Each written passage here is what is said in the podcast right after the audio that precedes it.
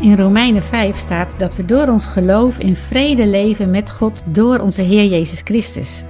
En dan staat er eentje verderop: de hoop die we daardoor krijgen, die wordt niet beschaamd, omdat Gods liefde in ons hart is uitgegoten door de Heilige Geest die ons gegeven is.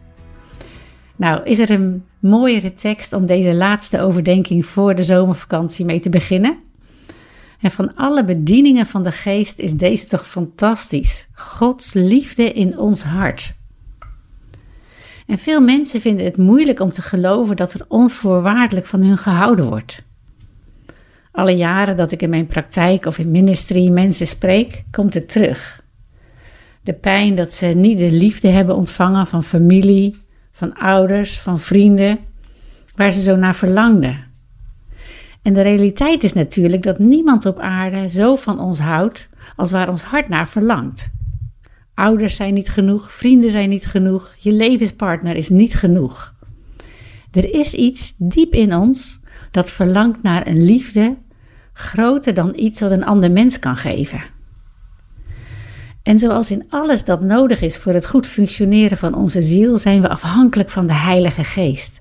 Alleen Hij verzekert ons dat we volkomen geliefd zijn. En dat, wie er ook niet van ons houdt, we toch geliefd zijn door de ene wiens liefde menselijke liefde overtreft.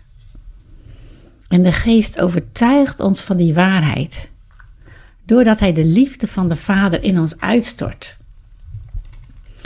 En ik geloof dat ons onvermogen om met problemen om te gaan in grote mate bepaald wordt doordat we ons niet geliefd voelen. want als ik mij geliefd voel, dan gebeurt er iets krachtig en diepgaands in het hart van mijn bestaan. Dan kan ik elk probleem aan. Liefde is zo belangrijk voor het functioneren van alle mensen dat tenzij de geest het in ons hart uitstort, we niet overvloedig kunnen leven dan staat er: bedenk toch hoe groot de liefde is die de Vader royaal aan ons geeft.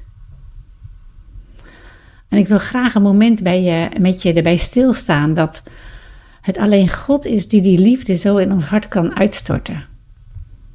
We zijn afhankelijk van Hem en daarom bidden wij, Heilige Geest. Wij kunnen ons hart alleen maar voor U openen. En wij vragen U, kom en stort Uw liefde in ons uit. Waar we ons ook bevinden op dit moment, in welk proces in ons leven. Of we vol hoop zijn en zin hebben in de vakantie, of dat we er tegenop zien.